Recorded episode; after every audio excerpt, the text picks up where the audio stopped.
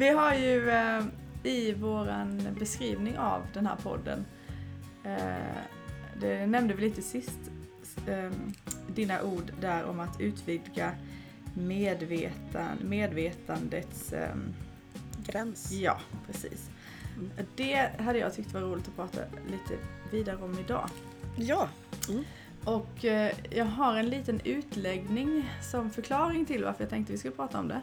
Mm. Ehm, och, så det, det, det, det grundar sig då, eh, som man kan anta, i en egen upplevelse.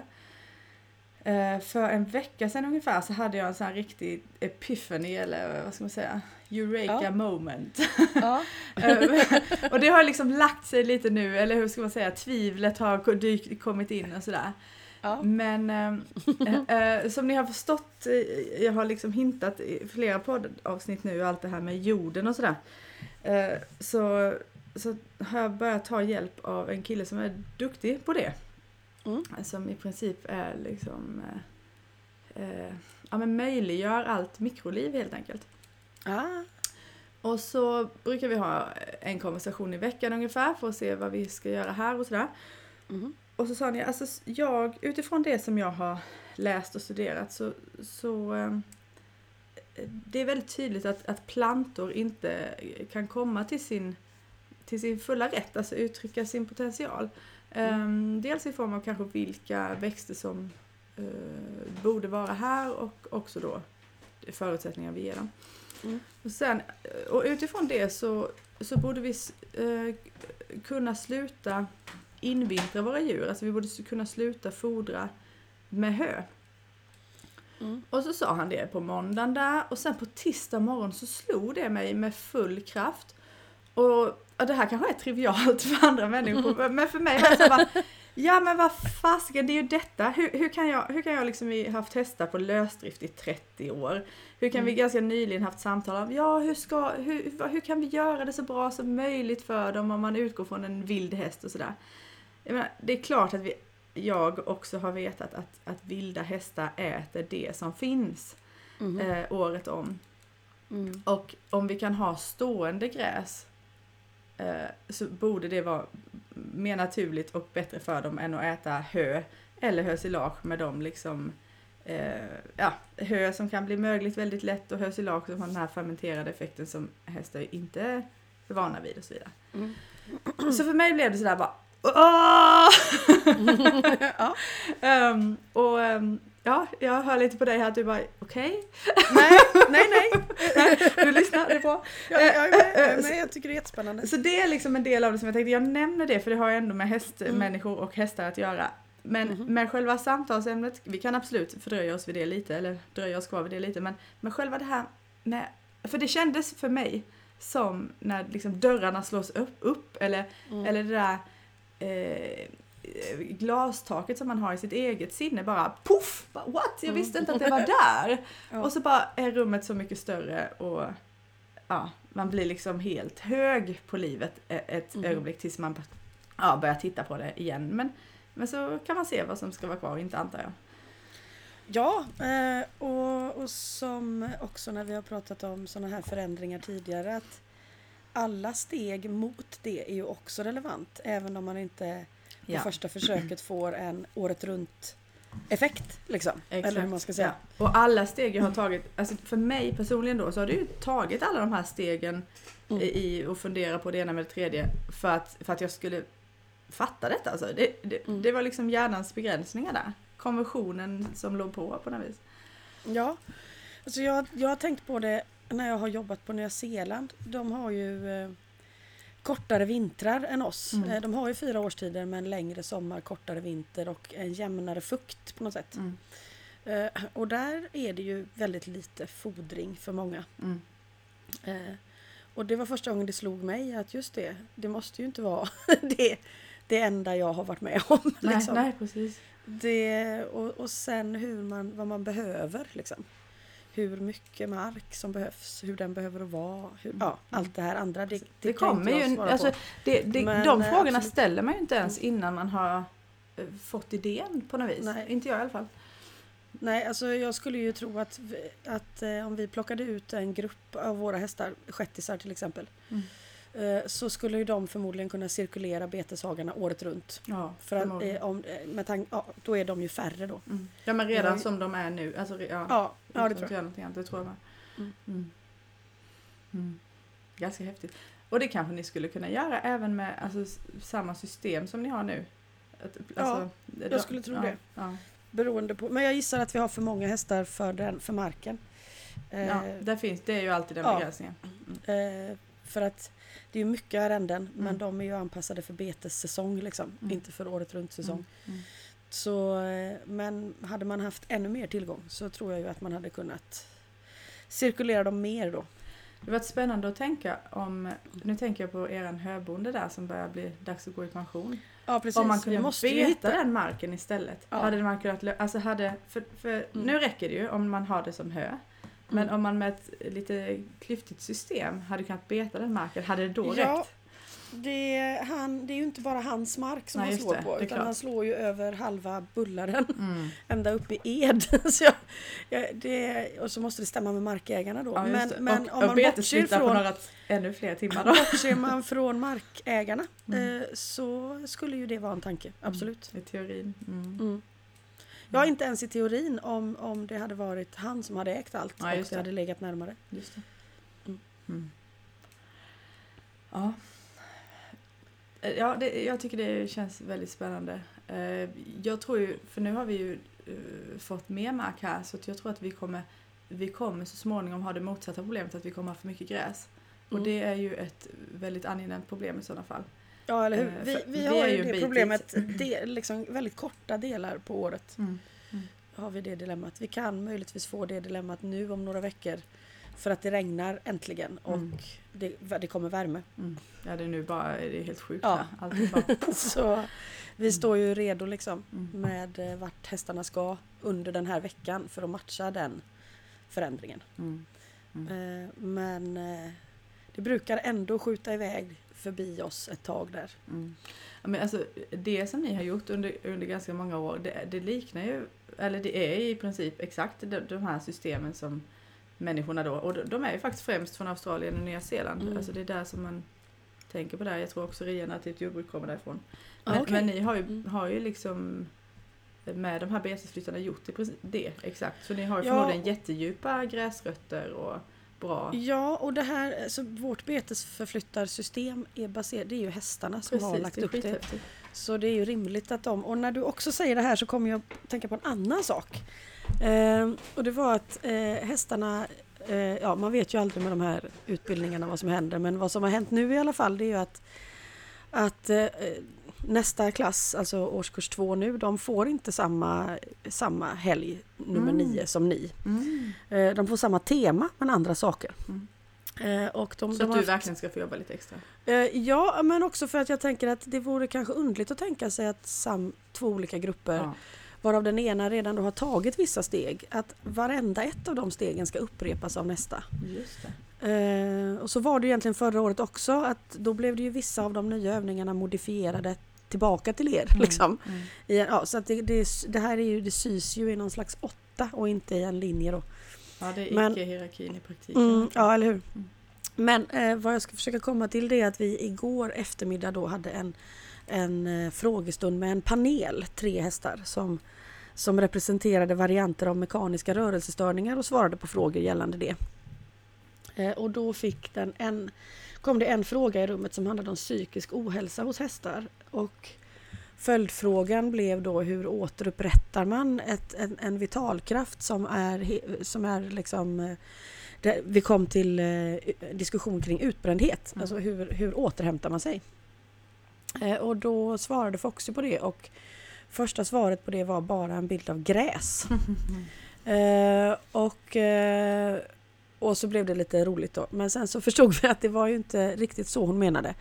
Utan hon menade ju hästens symbiotiska förhållningssätt till gräs. Mm. Alltså eh, utan gräs ingen häst. Nej. Liksom. Utan Eh, häst ingen gräs också. Ja, Alltså precis. E- exakt. Eh, och, eh, och så förklarade hon att den här, eh, vad ska man säga, cykeln mellan gräset och hästen eh, det mest grundläggande flödet liksom, för att överleva för båda. Då. Eh, är, man i det tillräckligt länge så kommer balans att uppstå. Mm. Så, så lämna hästen själv med gräset tillräckligt länge.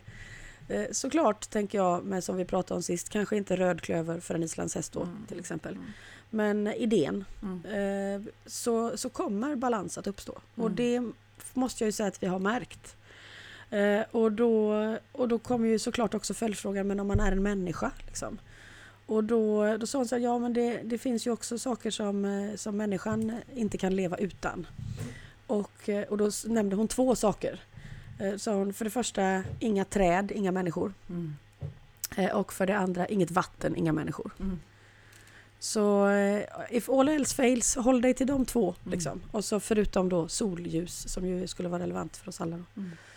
Ehm, och det, ja, det ligger ju någonting i det. Alltså det, Att- Att har vi, eller det är klart att det ligger mycket som helst i det, men har vi, har vi tiden och acceptansen för detta liksom, så är det ju att återupprätta de mest basala flödena ja. som skulle vara det mest relevanta. Och då kom jag att tänka på en annan sak. Det var att för, för drygt en vecka sedan så var vi med och flyttade ut några islandshästar eh, med en prom till en eh, ö. Mm. Inte våra hästar utan en grannflock. Eh, och där, där ibland fanns två fölungar som aldrig hade varit på den här ön och de rusade ut där. Och, så, och eh, de ska ju få vara där nu människofritt liksom, förutom tillsyn då i, till oktober. Det är, bara den tanken är ju väldigt uppfriskande. Mm. Men, men eh, den ena fölungen är väldigt seende och den andra är lite busigare ung kille liksom. Men den här lilla unga killen efter kanske en timme där ute på ön, för vi stannade ju där en stund med dem, eh, märkte hur han blev mottagen av gräset, hur han blev välkomnad av gräset. Liksom. Mm. Och då var det ju, han har precis börjat beta, han är ju liten liksom. Men, men han förstod liksom grä, hur gräset också behövde honom. Mm. Alltså det Och här, därmed, ja, och därmed var, och det var ju innan den här historien kom med Foxy då och innan det du Mm. säger nu. ja. Mm. Så, så det finns ju väldigt många aspekter av den här. Och jag menar Foxys svar kom ju utifrån eh, en fråga om psykisk ohälsa. Så vi, det handlar ju inte heller bara om det, det fysiska Nej. upprätthållandet Mm. av friskhet då. Jag blir alldeles tagen faktiskt av så de här Mm. historierna. Mm.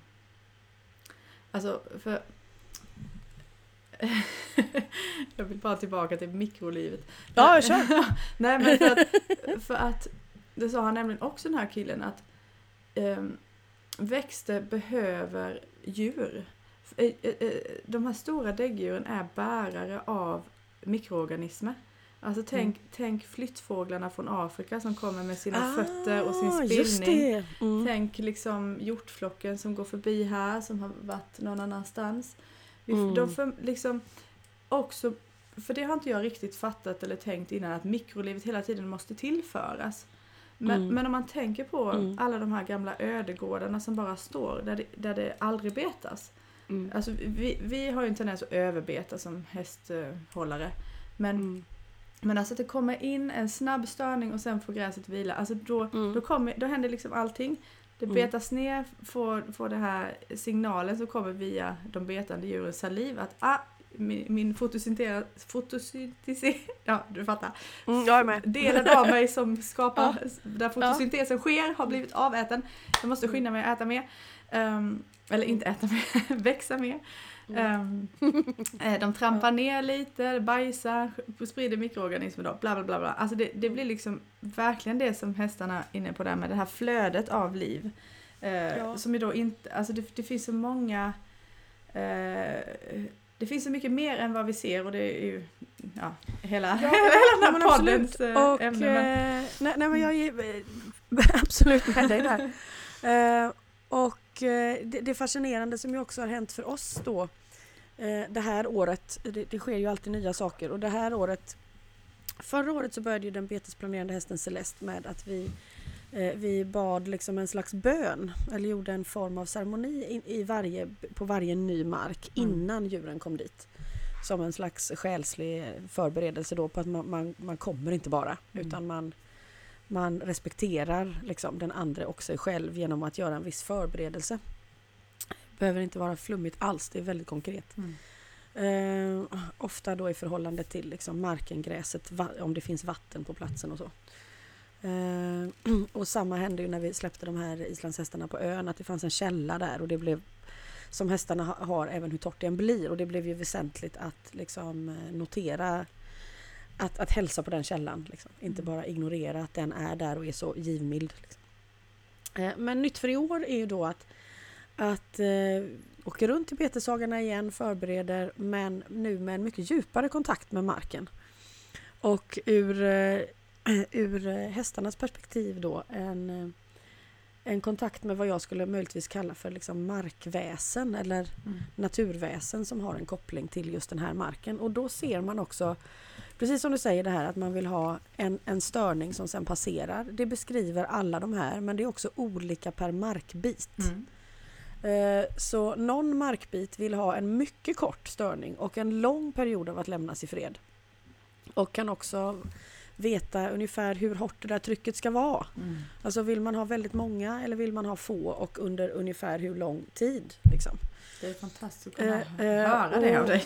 Ja. och, och, och då har vi liksom som där, där många går nu då Sigvards hage som är verkar vara uppbyggt på ett sätt där man vill ha ganska många djur över förhållandevis lång tid och med kortare pauser. Mm. Eh, eh, och jämförelsevis med den här väldigt kuperade hagen som vi brukar kalla för bakom ja, på Ödsmål där bakom gårdarna. Liksom. Mm. Eh, Som i princip inte vill ha besök alls utan är ganska ogästvänlig och har den karaktären. Det är ingen obalans liksom. Det är bara att där ska ingen vara speciellt länge. Mm. Eh, och vi ser också att de djuren som passar där, de är själv ganska recluse. Alltså det är där, det där, eh, nu lever ju inte Lamis längre men, men Lamis eh, har alltid varit väldigt enstörig och det där var hennes hemhage liksom. Mm. Men i princip bara hennes. Mm. Så ja, och där ska vi liksom bara göra det nödvändiga och lämna fort. Liksom. Mm. Mm. Och så är det inte med hagarna som är bara på andra sidan den lilla grusvägen som ligger emellan där. Nej. Men det där är så att- jätteviktigt ju. Alltså Ja, igen eh, kommer tillbaka till det individuella. Ja, och det där är jätteintressant och jag vet inte hur det kommer sig att den här kunskapen framförs till mig på det här viset. Kanske för att det stämmer med min världsbild, att det skulle kunna vara så.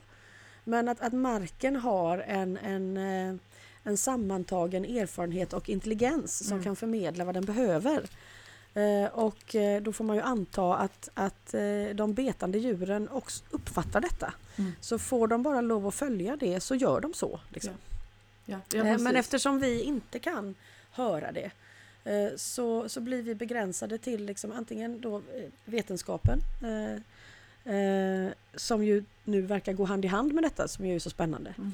Eller, eller politiska regler, alltså när ska det vara betas för att, få, för att man ska få sitt EU-stöd till exempel. Mm. Och hur mycket ska det vara betat för att man ska få det godkänt. Vi har ju sådana avtal med markägare. Liksom. Mm. Eh, och då behöver man ju få de här systemen att mötas också. På något sätt då. Mm. Mm. Eh, men jag skulle säga att det är ett ganska litet problem. Eh, det fungerar i princip alltid. Mm. Eh, men, men att vi, skulle, vi som människor skulle kunna förstå vad marken behöver och tillföra det. Eh, Jag tänker på förra poddavsnittet som ju handlade mycket om hopp. Liksom. Mm. Det här blir ju väldigt kreativt. Ja.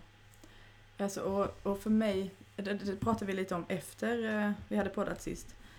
Ehm, några år in i, i utbildningen hos er så, så tittar inte, antingen tittar jag på Glimra eller hon på mig men vi var i alla fall rörande överens om att om jag nu ska värna om hästarna som individer och art, alltså det kan ju inte sluta där.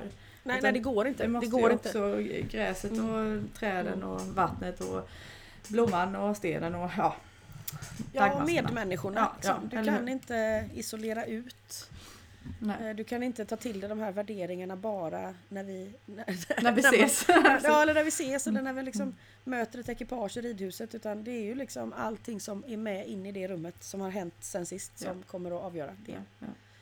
Och, Ehm, absolut. och det är ju eh, det, det, alltså det är ju inte bara ur en moralisk aspekt utan det är väl också så att alltså det är ju en, det är en del av den här väven. Alltså det går bara inte. Att, alltså det, det, det är liksom eh, det går emot allting som vi upptäcker. Om, om, man, Mm. om man plötsligt tror att man kan bara gynna eh, den enskilde eller hur man ska säga. Och det är väl det som blir eh, bekymret tänker jag just när du nämner det här att just häst, eh, hästägare har en tendens att överbeta. För att jag tänker att många hästägare kommer ju kanske inte ur en, en, en mer jordbruksaktig tradition. Sen Nej. kan ju den lika gärna vara i vägen för ens tankande såklart som all erfarenhet kan vara. Men man kanske då är mer van att förhålla sig till liksom psyk, naturens cykler. Mm. Eh, och som hästägare förhåller man sig i en större grad till hästen än vad man förhåller sig till marken. Precis. Alltså så har det ju varit för mig kan man säga. Att jag, Ja. jag, Jag liksom, är jag vill ge dem är maximalt utrymme. Jag vill ge dem, Mm. liksom, det, det, har det har varit, men de, de måste få möjlighet att springa, möjlighet att upptäcka. Och det är Mm. det, det, liksom den välviljan å ena sidan som har tagit oss till en väldigt överbetad hage. Mm. Ehm, så det, det, ja, jag dömer ingen. Nej det gör inte jag heller utan man kan bara notera att man som hästägare är tränad i att ha fokus på sin häst. Ja. Liksom. Och att eh, försöka anpassa omständigheterna till, till att höja hästens livskvalitet så mycket som möjligt. Mm. Eh, och i slutändan så kan ju inte hästens livskvalitet sänkas av att markens höjs eftersom de lever i symbios. Höjs det för den ena så måste det höjas för den andra. Precis. Men då sitter vi ju här med våra liksom, geografiska möjligheter. Vad Mm. har vi att tillgå liksom? Mm. Eh, men eh, det går ju alltid att göra någonting. Liksom. Så är det ju. Någon, Ja. det är det där som Mio alltid säger att det är differensen som räknas. Mm. Så allt man kan göra som är åt det livsbejakande hållet har ju ett värde. Liksom. Mm, mm. Och rent praktiskt, alltså skulle man upptäcka att jag har för lite mark och, och för många hästar, då har, alltså det är ju det är rimligt. Hästarna spenderar ju ändå relativt mycket tid med att inte äta, Mm. eller inte beta i alla fall. Och då kan man ha liksom sin hårdgjorda yta där det finns hö och vatten och där de, där de Mm. vilar. För då, då liksom har de släppt pressen, eller s- Ja, ja, stressen precis. och eh, trycket då på själva marken där, där gräs också ska växa. Ja precis, och så gör ju vi i vinterhagarna. Vi har ju liksom två utfodringssystem. Mm. Systemet för tjäle, då åker liksom höhäckarna ut från grusplanerna. Mm. Och systemet för tjälfritt, då åker de in på grusplanerna. Mm. Också väldigt klokt.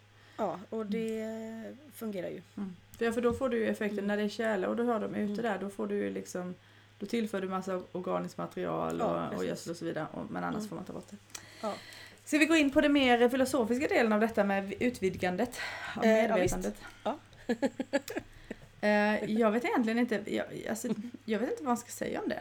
Mer, mer, än att, mer än att anta att om vi inte, alltså, ingenting nytt kommer ske om vi inte lyckas gå utanför det vi redan vet. Nej. Nej men, eh, men jag tänker också så här att... att hmm. Nej, men, eh, det här som vi har pratat om lite emellanåt, att vissa liksom principer eller vissa dynamiska rörelser i, i universum verkar ju vara eh, mer eller mindre livsbejakande, liksom, om man säger. Och så, som verkar vara i linje med någon slags egen inneboende drift hos det levande. Liksom. Och då verkar det ju som att, att utrymme, rymd, utvidgning, att uppleva mer. Att, att liksom livet förmerar sig i mångfald, som delningen som vi pratade om sist. Liksom. Mm. Det verkar ju vara alltså att, att livet har en sådan drift. Liksom. Så, så att utvidgning verkar ju vara i linje med att leva på något sätt. Eh, på samma sätt som att, att minska och dra åt livsrummet och begränsa någon från att vara sig själv blir, får en skadlig effekt eller då, då går man emot liksom, livet inom en på något sätt. Mm. Så, så, att, så att önskan om utvidgning den, den, den får man väl kanske säga är naturlig då. Alltså att det är en naturlig längtan. Mm. Eh, och sen eftersom allting då verkar ha sin parallella motsats så skulle man väl säga att man skulle kunna trilla över på girighet där då. Att man inte får nog, att man måste ha mer. Att, ja. Mm. Eh, och då går man igen emot livet. Mm. För att det blir självcentrerat. Liksom. Det måste finnas en delning, det måste finnas någon slags... Eh, tar man bort empatin ur systemet så blir det skadligt hur vi än gör. Liksom. Mm. Så det är den ena sidan. Och den andra sidan är att, att vi, vi måste ju på något sätt för att, för att det ska vidgas eller bli rum och för att någonting nytt överhuvudtaget ska kunna tillföras så att det inte blir ett hermetiskt tillslutet rum där syret kommer ta slut. Liksom, så måste vi ut på töjgränserna. Vi måste stå där så att de hålls eh, vid liv på något sätt. Liksom. Alltså står du på en töjgräns så finns det ju någon slags gungning i den. Mm. Eh, och gör du inte det så, så minskas rummet. Eh, och det vet jag Bibi en gång för länge sedan talade om och jag vet inte om inte det är med i någon bok. Att eh, kanske till och med det sjunger i gräset minne alls. Eh, nej men att det finns en sammandragande kraft i universum också. Det finns en kraft som drar ihop liksom. Eh, men eh, och den kan man, kan man påskynda genom handlingar som blir destruktiva. Liksom, till Mhm. exempel. Mm. Eh, och så finns det, det här, den här utvidgande som, som också som är påverkbar men kräver en medveten handling. Liksom. Mm. Mm. Ja, det är de där konerna igen. Och sen tänker jag att det beror på vem man är i det stora hela. Eh, ligger man inom det liksom innovativa spektrat i någon grad så kommer man ju känna en drift mot att detta måste göras. Liksom. Mm. Eh, ligger man inom det strukturella upprätthållande spektrat så kommer man ju möjligtvis eh, eh, känna att vi vill bevara det liksom, eller förvalta. Mm. Men, eh, men att en utvidgning, att längtan efter utvidgning, det verkar ju tillhöra livet självt på något sätt. Mm. Mm. Och med, att just medvetandet utvidgas gör ju på något sätt också att utvidgningen blir tillgänglig för allt levande. Är det upplevt av en så finns upplevelsen tillgänglig för alla. Mm. Så att om jag som människa flyttar mitt, gränsen för mitt medvetande så är den också flyttad för alla människor. Mm. Mm. Och alla människor gör också det för mig. Mm. Mm. På samma sätt som den kollektiva rädslan av att dra samman och skydda sig från förändring kommer också påverka mig Mm. individuellt. Mm. Ja, för det, det tror jag att vi alla kan uppleva. eh, Att, det, att den andra sammandragande kraften väldigt tydligt finns. alltså det, Mm. Och att den ofta eskalerar av rädsla då. Ja, precis. För det är ju... Mm. Alltså man, man, man, I alla fall jag måste ibland hitta strategier för att ens kunna liksom um, vara kvar där vid töjgränsen. För det är ju Ja, lättare att bara jag- springa åt andra hållet. Ja, nej, men jag tror att man måste ha strategier av ma- massa skäl. Du har ju de uppenbara töjgränserna där rädslan är tydlig och det kanske är lättare att fejsa för att du vet vad du står inför. Mm. Men sen har du de där små, små långsamma vardagliga töjgränserna som bara handlar om små obehag som är ganska lätta att välja bort för att man kan liksom glömma att de var där. Mm. Eh, Och så minskar man rummet väldigt sakta. Mm. Mm. De är ju kanske ännu lurigare. Ja, det är de nog. Mm. Eh, för det har verkligen med vana att göra med och de där handlingarna som man gör hela tiden. Ja, och jag vet, eh, då kommer jag ju inte ihåg detta ordagrant, men vi hade ju en frågestund i lördags med Luna som i, som i flocken representerar, eh, hon är provokatör och hennes uppgift handlar om att förhindra fysisk stagnation. Mm. Eh, och då hade vi frågor på detta temat och då kom det ju frågor på samhället då. Alltså vad gör man med de här stora samhällsstrukturerna som blir destruktiva? Eh, och då var ju liksom, blev ett samtal kring det men, men på något sätt så blev hennes kärnpunkt där att vi måste skapa, som människa så måste man skapa tomma punkter i oss Mhm. själva. Därför att utan dem så dras vi hela tiden omedvetet med. Liksom. Vi spelar hela tiden med om vi Mm. inte om vi inte, och det såg ut ungefär som att man, det såg ut som helt tomma prickar liksom som låg på en rad. eh, ett antal under dagen liksom. Alltså hon var väl inne på så här tre, fyra timmar kanske man klarar men sen behöver man nog ändå gå ner i en tom punkt igen. För att sen börjar det snurra, ja, så, sen har man snurrat in sig liksom. Det låter som, eh, vad heter det, intervallet för bön i, bland muslimerna, eller hur? Ja, och jag Ja. tänker också kanske för, eh, jag vet inte hur ofta buddhistmunkar går ner i meditation. Eller alltså, Ja. Men, men jag, jag kan tänka mig att det- det är alla de samma. här, Mm. ja, Eller jag vet inte om intervallerna är samma, men alltså Mm. principen. Ja, Mm. att, att vi behöver, eh, apropå din, det du sa om strategier, liksom. jag tror att det gäller oss alla. Mm. Eh, att vi behöver strategier för att påminna oss om att detta är inte hela sanningen. Mm. Liksom. Ja, men jag tror också det. Är så Eh, lätt att bara ja. vara, springa med eh, ja, och inte, inte se vad man gör. Ja, det är Mm. väldigt... Eh, För att vad hon menade då var att, att i en tom punkt så kan ju dels en ny idé komma och det gagnar alla. Men bara att man inte dras med i en annan, Mm. någon annans destruktiva idé. Då, då förlorar ju den en viss kraft. Liksom. Mm, Och mm. det spelar också roll. Mm, Så att även om man tänker att hur kan det påverka helheten att jag går in i bön eller meditation regelbundet så skulle man enligt en häst som Luna då som har den uppgiften hon skulle ju säga att det spelar väldigt stor roll. mm, mm. Det här får mig att tänka på att plocka upp en tråd. Vi pratade lite om det här med empathy och compassion och på svenska. Mm. Och- Just det. Mm. Och eh, jag hade en liten diskussion med en lyssnare i, eh, man kan ju kommentera via Podbeans app tror jag det. Okej. Mm. Ehm, och eh, för henne var compassion mer som självmedkänsla. Men, eh, Okej, mm. men eh, Empati ut mot världen. ja, men sen så lyssnade jag på ja, ja, den här meditationsappen Sam Harris som jag alltid refererar till. De är ju engelsktalande då och, och menade att om man jämför empathy med compassion så har compassion en eh, en, eh, en del av att vilja nu, nu blir det en direktöversättning från engelska, det är därför Ja, det låter så konstigt. Ja. Eh, Alltså att, att, man, att man vill underlätta eventuellt lidande som man då Mm. har delat eller mött i, i empati. Det finns en, det finns en Mm. intention aspekt förstår. med i, Mm. i compassion som inte finns i, i empathy då. Mm. Och då, då skulle ju faktiskt compassion likna mer det jag får beskrivet till mig av andra arter. Ja, det tror jag också. Men, men gör man en ren... eh, välviljan är ju väldigt tydlig där, skulle jag säga. Ja, men, och, men, men, på svenska så blir det... ehm, ja, alltså, ja man, man får, det, men det är nog alltid smart att definiera de här begreppen eh, om och om igen tror jag.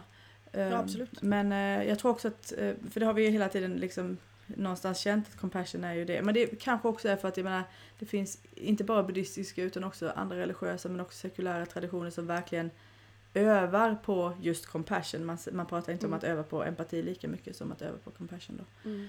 Ehm, mm. det, ja, en Precis. parentes men ändå kanske vettigt Mm. att plocka upp det.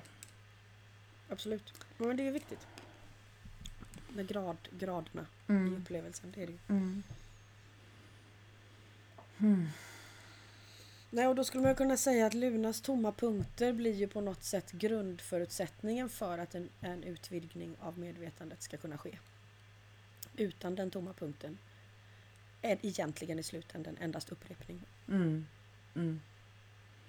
Vem är det måste- som måste säger det börja där? i tomheten. Just det. Är det Fanny som säger att så fort en människa har gjort någonting en gång så har man börjat på upprepningsspåret? Har man liksom? gjort det en gång så har man skapat en vana. Mm. Det, det är hon som säger det. Mm.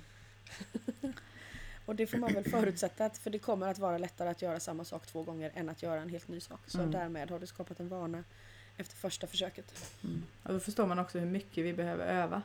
Mm. Dels på tomma utrymmen. Ja. Ja, och Och- att övandet är verkligen, alltså jag, jag, jag tänker på, nu har vi haft en kurshelg. Eh, och, eh, och so- som ju till väldigt stor del handlar om liksom, ganska stilla övningar med fokus på medvetandets töjgräns. Liksom. Det är dit vi kommer ifrån många olika vinklar. Och man blir helt slut. Liksom. Alltså efter första dagen så var många jättetrötta och jättehungriga som att man hade gjort Mm. ett maraton. Liksom. Mm. Eh, andra dagen är det ju svårt att vara vaken. Liksom. Eh, delar av dagen. Eh, så det är ju ett jobb man gör. Alltså man tänker att det här är något slags filosofiskt mys vid sidan av så är det ju inte så. Nej. Utan det är ju att man liksom bänder i sitt inre, det är som att vara på ett gym med hjärnan. Liksom, Mm. Eller med sinnet. Mm. Eh, och det ska man ju liksom komma ihåg att det, liksom det, det här är någonting man kavlar upp ärmarna och går in i. Mm. Och det menar jag nu i, i positiv bemärkelse. Liksom. Absolut. Och det, menar, men det, men det, det, man, man ska inse att det är det det är. Det, det är inte en idé det här. Det är ett faktiskt jobb man gör Mm. med sin egen insida. Liksom. Mm. Och sen är det klart att när vi alla möts så där så är det, det blir som bootcamp. Men, Ja. men, och sen är ju utmaningen som vi tack och lov, de här övningarna som hästarna skickar med hjälper ju mycket i det. Men, men själva, det handlar ju, det har ju du och jag också pratat om såklart, att, att i varje ögonblick vara vaken. Även om man inte orkar det och man kanske Mm. orkar liksom en extremt liten del av sitt dygn. Mm. Men att, att ändå att, att, ja, det är ju igen då Lunas tomma punkter. Att, att stanna Mm. sig, stoppa sig. Mm. Kanske mm, ja, så ofta man bara orkar med helt enkelt. Ja, liksom strävandet i sig Mm. är så effektfullt liksom. Och Mm. uppfattas av omgivningen. Mm. Det, det är väldigt intressant. Jag har en, eh, var en elev i er grupp som, som skickade in sina hemuppgifter eh, och har haft en tidsfrist på dem. Eh, Så jag, jag visste inte riktigt när de skulle komma men två timmar innan de kom, det här vet hon inte om än för jag har inte hunnit svara på det.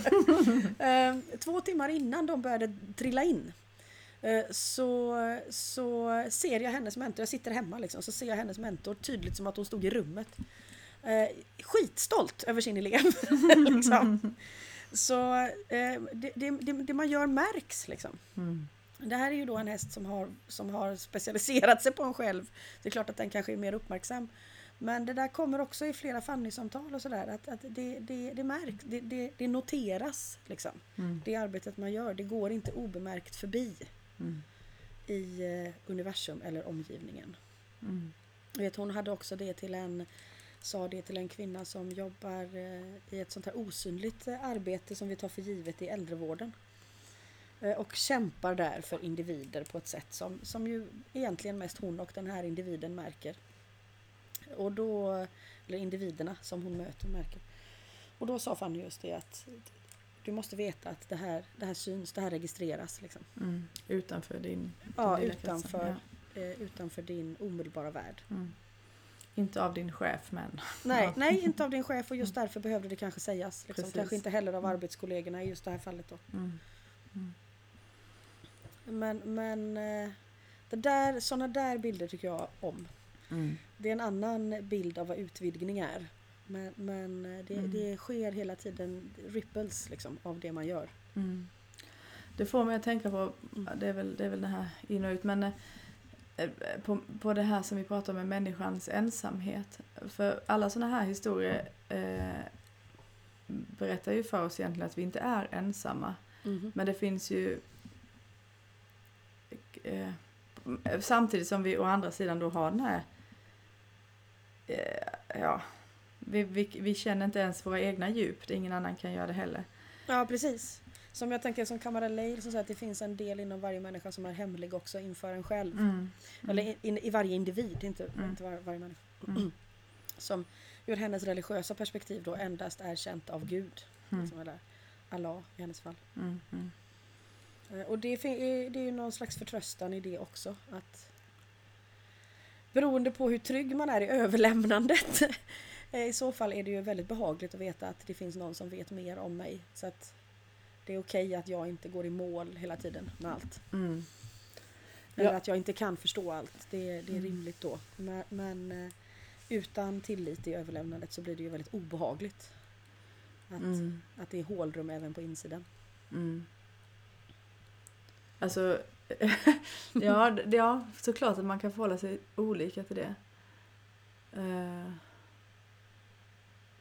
det finns ju en aspekt av det som, som är alltså trösterik, även om, Mm. även om man inte skulle ens eh, ha med en gud där. Ja, det behöver ju inte vara med en gud där. Eh, Den, den, nej. den kom ju med för att Kamara Leil lever i den kontexten. Ja, precis. Alltså för... för, för jag vet inte om jag är bara extremt tillåtande gentemot mig själv men... om, om, säg att man, jag skulle göra ett misstag och alltså då, på någonstans i misstaget får man ju syn på vissa delar av sig själv som kanske då inte var tydliga innan. Mm. Och så, hur ska, jag, hur ska jag förklara detta på ett vettigt sätt? Men då... Ja, men, eh, om man utgår från att man gör så gott man kan med det man har och så, Mm. så blir det ändå fel. Och då, får- så kanske, ja. Då, Ja, då får man ju fundera över vad fel verkligen ja, innebär också. ja, ja, Man kan ju alltid utgå, det är ju alltid bra att undvika att skada andra med flit. eller hur? Eh, om man ska förhålla sig till något fel. Ja. men, men, eh, men förutom det så är det ju väldigt svårt att definiera det begreppet för det beror ju helt på vad man har för förväntningar. Liksom. Mm, mm. Mm. Hmm. Det, det, det är liksom eh, öppet här på, gra- på gränsen. Ja, det är öppet på gränsen. Ja, men jag, jag tänker också på den här eh, medvetandets töjgräns eh, ur en annan aspekt så har ju det, det, det har ju liksom varit ämnet för mitt liv. Ja. liksom. eh, så att jag brinner ju på den där gränsen och den började ju när jag var jätteliten. Eh, jag, jag kommer ihåg att jag, ja, jag lärde mig läsa när jag var fyra och jag vet att min pappa dog när jag var fem. Så att kan jag läsa och han lever så vet jag att det är den åldern som det måste ha varit. Mm. Och, och, eh, och, och jag kommer ihåg då att i det tidsspannet där så, så kunde jag inte sluta tänka på jag kunde, det var liksom tvångsmässigt att jag inte kunde sluta tänka på huruvida universum hade en gräns eller inte. Mm. Eh, Och jag var besatt av den här tanken och kunde inte sova på nätterna för det här. Mm. Eh, och det skrämde mig åt vilket håll det än var. Liksom. Mm. För att antingen så var det evigt eh, och det gick ju inte att ta in så då fick jag panik. Mm. Eh, och så, jag vet inte om du har sett filmen Vaiana eller eh, Moana heter den ju om den är Ja, ur ja. det maoriska perspektivet. Okej, ja, Men hon, hon tar med sig en liten tupp ut på havet Mm. av misstag och så kommer han upp där ur båten och ser det ändlösa havet och får ju en panikattack liksom. Och så trycker hon ner honom igen i det här lilla skrymslet som han är och då slutar han skrika.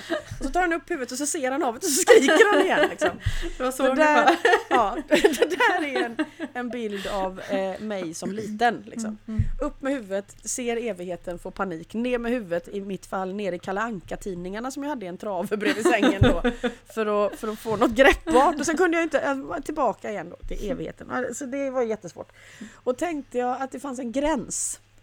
Eh, vilket var det jag kanske tenderade att tänka mig att det gjorde. Eh, för att det var lättare att tänka tror jag. Eh, då, då blev det ju ändå jobbigt för att om jag, om jag gick till den kanten då, om jag gick till den kanten och tittade över den, Mm. skulle jag kunna finnas då? Mm. Eller måste jag upphöra att finnas för att jag är utanför själva varandet liksom? Mm. Mm. Och då fick jag ju panik där med!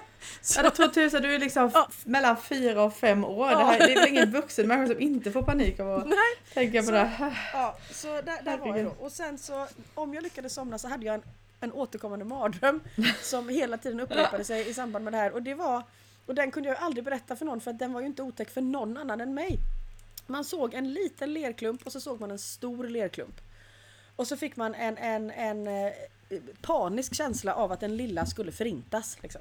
Det hände aldrig, det hände ingenting. De låg ett still bredvid varandra. Men jag vet att jag vaknade med liksom och bara skrek rakt ut och kunde aldrig förklara det här för någon.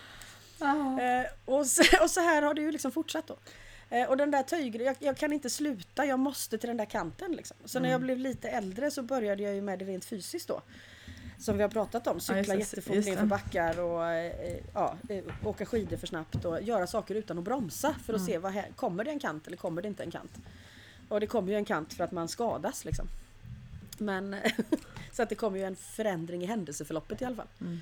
Ehm, och sen har jag liksom förstått nu i vuxen ålder att ja, men jag, det är fortfarande samma ämne, det är fortfarande samma panik. Liksom. Mm.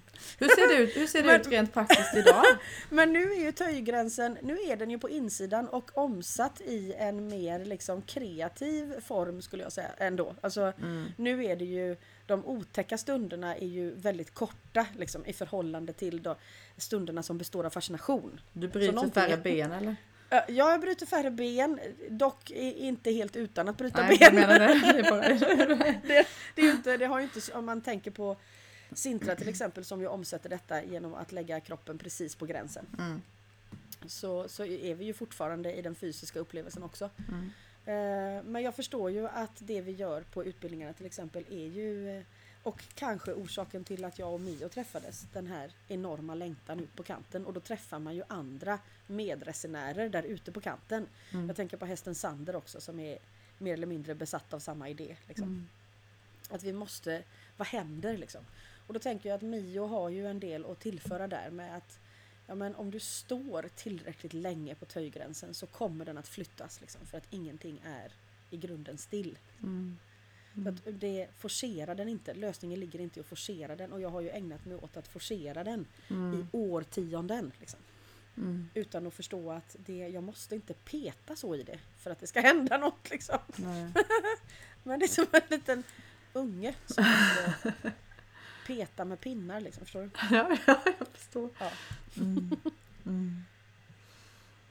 Så att jag skulle säga att driften är precis lika stark och besattheten är också lika stark. Och paniken är också med. Men, men det finns en eh, mognadsprocess i det. Mm. Åt ett håll som är, väldigt tacksamt. Alltså jag undrar lite ifall, jag tror inte man kan ta bort rädslan ur den här ekvationen. För att man måste ju... Det är ju något hisnande hur man är. Ja det är ju liksom. det. Det är ju Mm. som berg och dalbana eller liksom. Mm. Eh, när rädslan dyker upp. Alltså det finns ju en väldig lockelse att ta sig närmre den än Ja, att bara vända. Alltså, det, det går ju inte att komma ifrån det. Nej. Nej, det har ju Sintra sagt några gånger när vi har varit ute på kanterna att men den här gången var det ju du. Mm. Eh, och så inser jag att det var så. Det var inte hon som drog i mig den gången utan det var jag, det är också jag som drar i henne ibland. Mm, mm, mm. Men det tog ju väldigt lång tid för mig att erkänna det för mig själv. Jättelång tid. Det hände förra året faktiskt.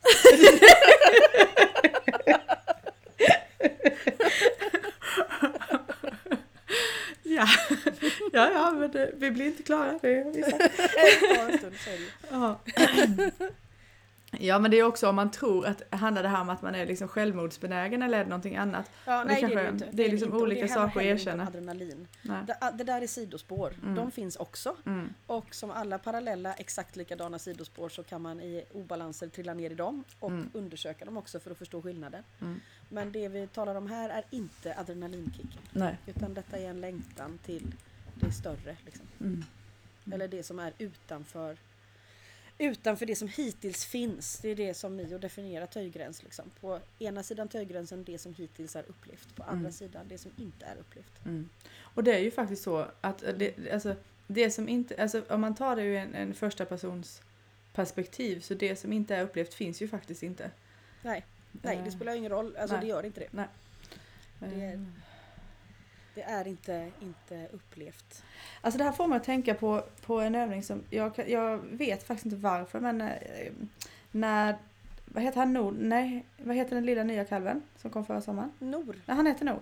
Mm. Ehm, vi hade ju, jag för mig så här, som jag minns det så var det ju där i kohagen med den här kullen och eh, bäcken. Just det. Mm. Först träffade vi lilla Nord då som inte var så gammal och så, och så var han väldigt tydlig med det här att ja först, eh, först finns du inte, sen finns du, sen finns du inte igen. Mm. Mer eller mindre, alltså rent Ja. fysiskt i alla fall. Och det var liksom, ja, det är liksom fact of life. Eh, Mm. Och, ja, och sen, efter att han hade berättat det väldigt tydligt så skulle vi gå ner till bäcken och så skulle vi, så var typ frågan Just så här, det. vart är du på väg eller något? Och jag kunde inte låta bli att flina. Alltså jag, jag Mm. typ, jag, ja, det, var, det, var inte, det var ungefär som det här Eureka moment. Det var ingen annan som fattade varför jag tyckte allting var så eh, kul. När jag skulle återberätta detta, det var så bara föll helt var som man platt skulle liksom. hitta sin, sin väg ner till vattnet på något sätt. Ja, och jag, alltså jag bara, men, ja, ja, ja. Och jag kunde ju inte släppa det här liksom, vad fan det är ju bara, ja. Det finns ju ingen väg. Nej, finns precis. väg. Nu är vi här och sen dör vi liksom. Vad, Ja. vad, vad, vad, vad är det här för liksom perspektivskifte som jag inte var kapabel att göra? Och Ja. jag, jag vet inte varför jag kommer tänka på detta nu. Du kanske kan rädda mig där men... eh, ja. Nej, jag kan nog inte rädda dig, men jag kommer ihåg att resten av den övningen eh, var ju att vi sen kom ner till vattnet och skulle undersöka undersidan av vattenytan så att vi Ja. tittade på vattnet upp och ner. Ja. Eh, och det var ju också en spännande töjgräns tyckte jag. Alltså, va, ja, Mm. vatt, ytspänningen underifrån. Mm. Ja och kanske är det lite sådär bara att om, när, när vi nu, medan vi nu ändå är här Mm. och, och kapabla att uppleva, uppleva vår egen enskildhet då då är det klart att att det är synd att förvägra sig sådana upplevelser. Liksom, Mm. kan, man, kan man titta på vattnet från andra håll? Alltså du vet, Ja. kan, kan man liksom, hur, hur nyfiken kan man vara när man ändå är här? ja, och det spännande med, med det där är ju då att, att provar man det där så kommer det ju öppna en massa andra dörrar. Ja, det är ju det precis är, det. Mm. Som är väldigt intressant. Mm. Ja men det är väl igen det här, antingen så utvidgar vi eller stagnerar vi. Det, vi kan inte bara stå stilla. Nej, vi står inte still för att inte, inte heller töjgränsen står still. Liksom. Mm. Mm. Utan det, allting rör sig hela tiden i förhållande till allting. Mm. Jag vet när jag hade, skulle presentera den första övningen denna helgen så hade, så hade jag ju tänkt att jag hade skrivit nerifrån och upp men jag hade skrivit uppifrån och ner. Så att när jag läste övningen för klassen så blev det uppifrån och ner. Eh, var på någon liksom, hur menar du, flödet i trädet uppifrån och ner? Och så, nej, eller jo, eller ja. Och, då, och, sen så, och så var det borttaget liksom. Sen under resten av helgen så fungerade ju inte väderstrecken liksom. Eh, Och det var ju såklart, eh, en, en, fanns ju en exakthet i varför det blev just så. Mm. Eh, Men, men att det är ska man säga, även de små utmaningarna i att inte göra saker exakt som man är van vid Mm. får ju också de här ringarna på vattnet effekten. Mm. Oanade konsekvenser. Ja, oanade konsekvenser. Mm. Så det är väl värt liksom. Och då, just som din fråga där, kan man låta den här nyfikenheten gå hur långt som helst? Ja, det verkar som att nyfikenhet är en, en, det är en eh, bra drivkraft liksom. Mm. Den, eh, den får med sig så mycket liksom. Mm. Nyfiken, då är du inte för på. Men du kan inte låta bli. Mm. Det finns, det finns en balans i nyfikenhet som också ger en respekt för det man undersöker. Liksom. Det är någonting med nyfikenhet Mm. också som, som inte tar med sig en, vissa mer kanske negativt laddade aspekter. Eh, alltså det är inte, det är inte den här Nej, det desperationen eller... Ja. Det, det, absolut. Mm. Man förstår ju på liksom hästarnas eller djurens övningar och så att man kan hålla sig... Ja, nyfikenhet bär bra. Liksom. Mm. Åh, det är För två veckor till nästa heller- kurs. Ja, där har man Ah. ju inte heller längtan. Eller så här, där, där är ju inte svaret så viktigt utan i ordet så får man ju också känslan av att nyfikenheten i sig är spännande nog. Liksom. Mm, Så det verkligen. spelar inte så stor roll vad man kommer fram till. Det är spännande att vara nyfiken. Mm. Ja, det är en viktig aspekt. Och eh, att inte vara nyfiken får ju... Eh, ja. Bara du säger det, ja. ja. Det blir tungt att andas bara man säger det liksom. Mm. Det blir eh, jävla trist. Mm. Förlåt men... Ja. På ren göteborgska. Ja. Ja. Oj, oj, oj. Så, så medvetandets töjgräns tror jag inte vi kommer ifrån. Sen, sen kan man ignorera den och leva sitt liv bredvid. Eller så, eller så tar man den där tjuren vid hornen för att man har en dragning dit. Liksom. Mm. Och i mitt fall så känns det ju som att jag inte har något val. Alltså jag får inte ut... Ja, nej, jag kan inte... Det, det här är starkare än mig. Liksom. Mm. Mm. Och det har funnits med... Jag, jag, jag kan inte påminna mig någon, någon liksom utlösande händelse till detta. Nej. Utan så länge jag kan minnas har det varit så här. Liksom. Alltså jag har ändå lite svårt att förstå att, att det inte skulle vara universellt. Eh, hur mycket krävs för att egentligen, eh, vad heter det? Eh,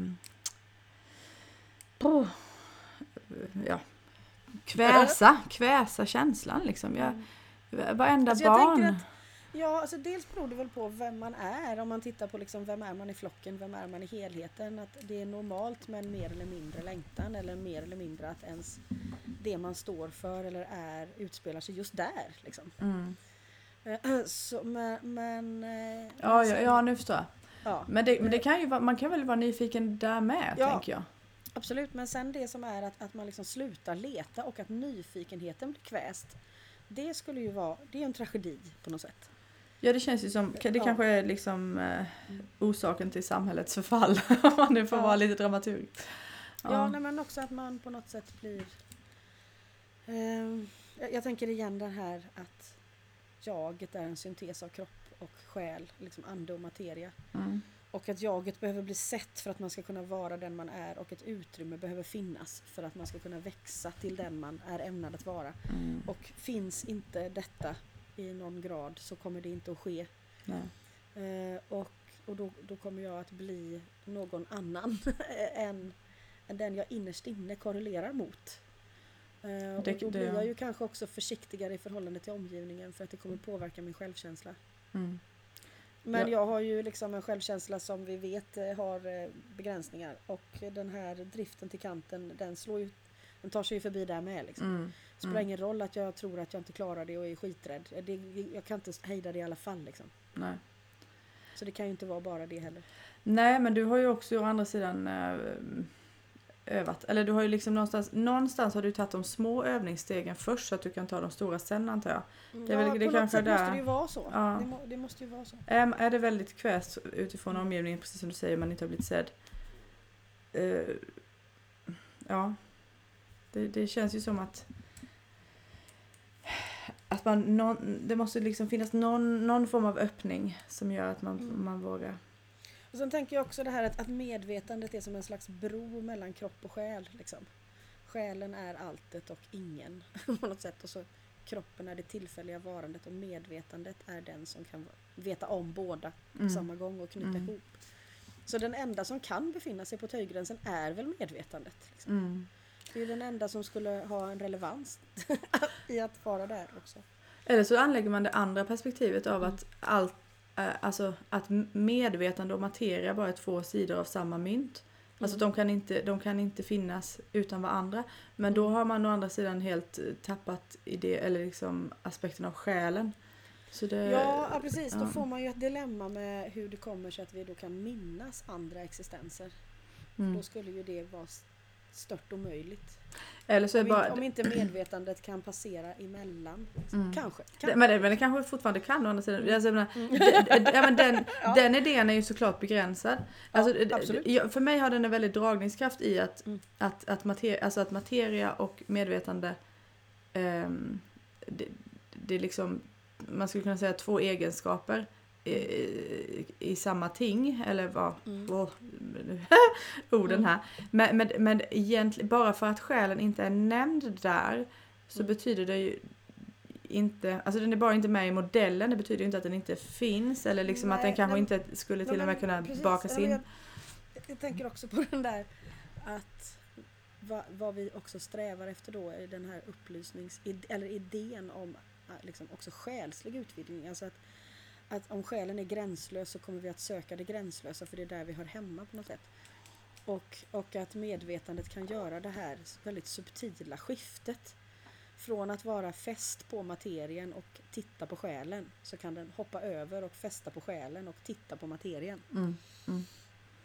Eh, och och, och det, det där är ju jättespännande och eh, kanske det mest spännande man kan uppleva, tänker jag. Mm. Mm. Eh, och så kan man lägga in andra värderingar i det. men, eh, men jag skulle nog kanske ändå välja att, att se det som att just fascinationen i det är något av det största. Mer än syftet kanske. Mm. Alltså jag kan inte, jag har Mm. svårt att relatera till det tror jag. Ja, jo, eh, och jag förstår det. eh, Men, men jag tänker att det måste med för att Absolut. är essensen av varför jag är här. Jag tänker, jag tänker mer att du, du kan prata mer om det. Ja, det är så spännande att leta efter. Mm. Eh, och sen så tar ju liksom vanan vid och så fäster jag på materien igen för att jag är så van vid det och för att alla, alla ser mig där och jag ser mig där och ser dem där och så. Så trillar ner och så måste jag liksom öva igen och så är det kul att få öva igen. Mm. så när jag är där så känns det som att det här är det enda som finns, varför är jag inte alltid här? Och så medan jag tänker det så har jag släppt det igen. Och så, ja. Mm. Mm. Eh, Det håller på fram och tillbaka. Men, Mm. men, eh, men jag tänker att eh, när medvetandet är där själen är så om man, om man också skulle se det, det materiella livet här som en slags spegling av en, en större verklighet, ungefär som att solen reflekteras tillbaka, liksom, eller ljuset reflekteras. Så, så skulle vi ju, ju mer vi hoppar över till själen, ju mer manifesterar vi av det, den fullkomligheten på den andra sidan här. Liksom. Mm. Mm. Alltså Då, jag, och då hamnar man ju i de här, möjligtvis då, en tolkning av vissa religiösa texter som säger att paradiset är här till exempel. mm. Det skulle kunna vara en, en konkret upplevelse av att ja, men det kanske är det. Mm. Vi behöver bara liksom eh, vara på båda ställena. Mm. Så uppstår det på båda ställena. Mm. Alltså jag, och här, jag vet inte, jag, hur ska jag uttrycka detta då? Men jag, jag tror, jag, jag, på ett plan kan jag relatera till det du säger och samtidigt så känner jag så att ja men okej, de här, alltså det, det finns en upplevelse här eh, som kanske, alltså vi vet ju inte om det här, om medvetandet hoppat mellan, mellan kroppen Jo, och själen. Jo, det Okej. vet man. Okej, Eh, eh, För jag tänkte säga, det, därför vi att kanske kunde använda att andra. När den gör det Ja. eh, så, så kan inte det förnekas liksom. Det är lite som innan man har varit kär första gången så undrar man hur vet jag att jag är det? Eh, Och så är man det och så fattar man direkt vad alla andra har sagt hela tiden. Okej. Att ja, självklart, nu vet jag vad det är. Alltså jag kan inte tveka på det längre. Mm. Så att har medvetandet hoppat över till själen så råder ingen tvekan om att det har skett liksom. Nej, då har den inte gjort det för min del eftersom jag inte ens, eh, eftersom jag inte ens kan, eftersom jag inte ens köper själen som ett eh, liksom, ord nödvändigtvis. Eller etikett liksom. Nej men det är bra för då har vi ju någonting att röra oss mellan, eller hur? Ja, Det blir nog 30 avsnitt till liksom. ja, nej, för, det, för alltså, jag tycker att det, det är liksom extremt smidigt att ha själen med när man pratar om det. Alltså det, Mm. det, det är väldigt, det är väldigt praktiskt. Mm. eh, Det är väldigt praktiskt att tala om det på detta sättet. Ehm, Men, men jag, jag känner mig fortfarande, även för att du Ja, säger alltså, sådär, så känner jag mig väldigt ju- med, tveksam med till allt detta det. sagt så skulle jag ju inte kunna säga att jag kan definiera själen. Eh, Mm. För att det är just det som inte går. Mm. Det är just det som är skillnaden mellan att röra sig mellan det definierbara och det icke definierbara. Mm. Så att jag kan inte ringa in det bättre än så här. Mm. Men att det går att, att, att den där lilla gubben liksom, som, som skulle vara medvetandet Mm. eh, kan, kan eh, hoppa över. Så Mm. verkar det ju, ja, så måste det vara. Ja. För att, eh, jag kan, ja, den händelsen finns. Ja. Jag kan inte Ja. säga, ja så är det. Ja. ja, men det är bra. Det är bra. Mm. Har, Och har jag att tänka på i två om veckor den här medvetandets töjgräns är den här väldigt hisnande känslan innan hoppet. Liksom. För där är det ju väldigt, väldigt, man tror ju att man ska dö. Liksom. Eh, precis innan det, det skiftar över. Eh, På riktigt tror man det. Så när man läser dikter om att det är som att dö medan man lever så tänker man att det är poetiskt och vackert. Men så står man där och, och det är att dö. Liksom. Alltså, Mm. ja, Mm. det var fan mig inte bara en, en symbol. Mm. Ehm, Men själva klivet är som ingenting. Jag, jag, jag tänker när, när man träffar individer som kan beskriva dödsögonblick och de beskriver alltid en sån lätthet. Det är så lätt så att man kan inte ens använda ordet lätt. Det är lättare än, än vad man kan beskriva liksom, när man finns i materien. Mm. Att det, det är någonting där som är mycket, mycket lätt men tröskeln är inte det. Det är häftigt. Så att jag tänker också den fysiska dödskampen finns ju också i den här, i den här själsliga resan. Liksom. Mm. Lika stark skulle jag säga. Mm. Nu är jag i och för sig då en person som kämpar emot allting. Så det kan hända att eh, det blir jättetydligt för mig och inte alls så här för någon annan. Jag kan ju inte berätta någon annans historia. Nej, precis. Men jag skulle säga att det är en eh, rejäl eh, tröskel där. Mm. Ja, det låter ju... Ja, det... Ja. Det, nu står jag där då. Eller vad det nu är jag står. Nej jag vet inte vart du står. Nej, jag vet inte heller var jag kom vi står. in på det här ämnet. Ja, ja precis. Det är ju, det är ju, det är ju en någon väg som har liksom uppenbarat sig här. I Mm. alla fall. Mm. Mm. Men det, det som händer, som jag har upplevt då händer när man står, när, när själen tittar på personen, är att jag sk- skrattar ihjäl mig åt att jag tror att jag är Emily. Det blir jätteroligt. Allting blir jätteroligt. Mm. Eh, och, och så, och så eh, finns det ju en sån eh, vansinnigt stor acceptans för allting där. Mm. Eh, dels det här som du beskrev i Compassion, eh, det, det vill, den villkorslösa kärleken inför sig själv. Mm. Eh, men den, den är ju också inför allt. Och det är också från den punkten som allting ser ut som att det är exakt som det ska vara. Mm. In i minsta hårstrå exakt. Och det finns ingen logisk förklaring till det när man för man kan ju fortfarande se allt det som man eh, inte accepterar i form av till exempel våld och kränkningar. Och, ja. Mm. Mm. Men det tar inte bort den där exaktheten. Jag har ingen förklaring på det. Nej. Men de två insikterna existerar samtidigt. Mm. Spännande. Just där. Just där gör de det. Mm. Ja, ja, sen, Eh, faller, sen är det som vanligt igen. Ja, sen är det som vanligt igen. Mm. Sen är det att hugga ved igen. Liksom. Ja, precis. Chopwood. Ja, det är bra. Vi får avsluta på detta innan jag, innan jag kollapsar här. Okej. Eller, eller nej, då, nej, jag dröjer mig kvar. Jag Nej, jag vet till. inte vad vi mer har att säga. Nej. Eh, jag, jag tycker det här är ett roligt ämne att vara i. Men jag har nog egentligen ingenting mer att säga jag heller. nej, men jag tror att det är också så liksom dags att gå ut och vara i det för mig då. Ja, absolut. Mm. I 25 graders värme eller vad det nu ska bli idag. Och jäklar, så ska inte vi riktigt ha det. Vi har regn och får väl typ sådär 15. Ja, nej, vi har värsta sommardagen se Mm. fram emot. Ja. Fast det här, ja, det, i vanliga fall spelar vi in samma dag som vi sänder mer eller mindre. Men nu är det ju här Kristi himmelfärdsveckan så vi sänder på måndag, eller vi spelar in på måndag. Ja, precis. Eh, Allt, hela, hela min vecka består av betesförflyttningar. Med ryggskott. Med ryggskott, men det är bra att röra sig säger Ja, de. ja. Exakt. Det finns något spännande i detta också. Mm. Mm. ja. Ja men det är ju någonting med att göra saker sakta och eftertänksamt. Det gör jag ju aldrig annars. nu får du chansen. Blir, ja, nu får jag chansen att mm. röra mig långsamt genom rummet mm. och acceptera vad jag inte klarar att göra. Mm. Spännande att se om du blir buren av marken som vi har övat på så många gånger. Mm, eller hur? Mm. Eller ja, det blir man väl. Det är bara inte säkert man är där och fattar det. Eh, exakt.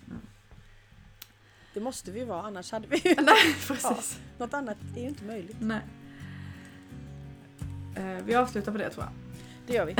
Så gör vi. tack allihopa. Tack, tack.